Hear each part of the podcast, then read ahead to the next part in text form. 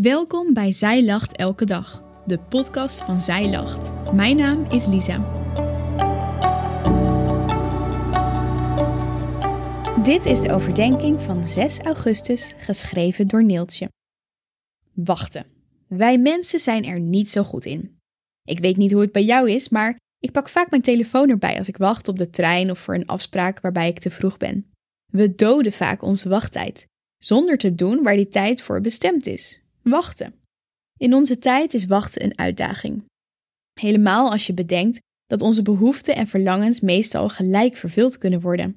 Met één druk op de knop hebben we producten de volgende dag in huis. Geduldig wachten is echt een kunst. Het is een kwestie van jezelf trainen. En dat gaat zeker niet vanzelf. Momenteel zit ik in een situatie die tijd nodig heeft en waarin ik moet leren, leren om te wachten. Ik vraag God regelmatig wanneer er een eind aankomt en waar Hij is in de tijd dat ik wacht. Ik weet dat Hij aanwezig is, maar zo voelt het niet altijd. Herken je dit?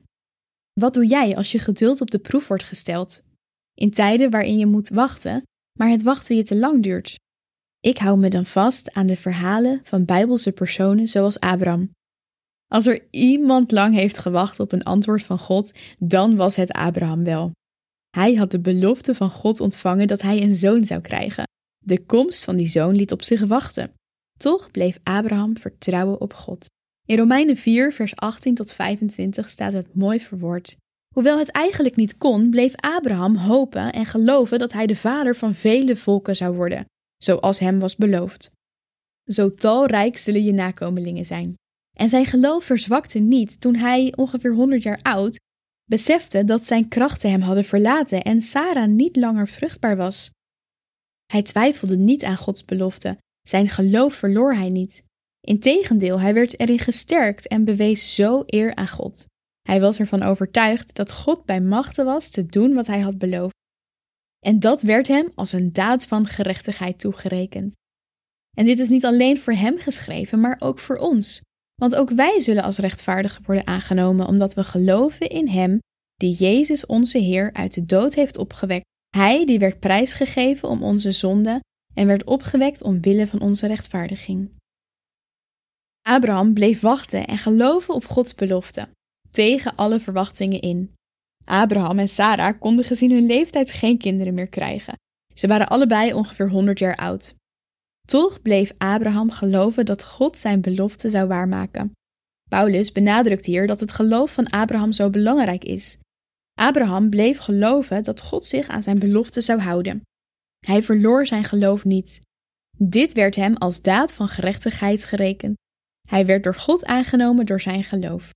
Dat God zich houdt aan zijn woord komt in de hele Bijbel terug. Het verhaal van Abraham is daar een goed voorbeeld van. Abraham heeft moeten wachten op de vervulling van de belofte dat hij een zoon zou krijgen. Die wachttijd was geen verloren tijd. Het wachten op de vervulling zorgde ervoor dat Abrahams geloof gesterkt werd. Zijn geloof in God werd alleen maar groter. Abraham hield zich niet alleen vast aan de belofte, hij hield zich vast aan God. Abrahams geloof was niet geworteld in wat God voor hem zou doen, maar wie God voor hem was. Stel je eens voor wat het betekend zou hebben als Abraham zich alleen vasthield aan de belofte en niet aan God zelf. Hoeveel moeite zou hij dan gehad hebben toen God aan hem vroeg om Isaac te offeren? Als Isaac zijn alles was geworden, zou Abraham deze test niet kunnen weerstaan. Maar Abrahams geloof en vertrouwen in God zorgde ervoor dat hij gewillig was hem te gehoorzamen, want hij wist dat God te vertrouwen was.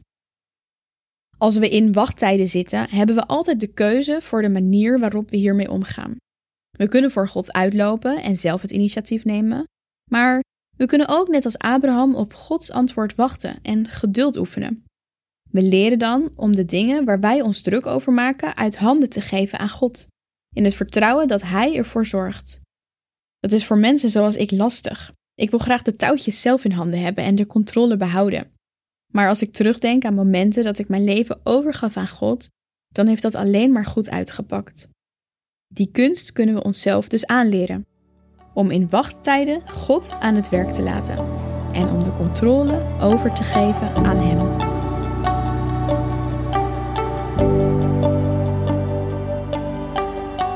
Dankjewel dat je hebt geluisterd naar de overdenking van vandaag. Wil je de overdenking nog eens nalezen? Check dan onze website. Je vindt daar ook nog meer toffe dingen die jou helpen om de Bijbel vaker te openen, zoals boeken, Bijbels, cursussen en evenementen. Morgen ben ik weer bij je terug met een nieuwe overdenking. Tot dan!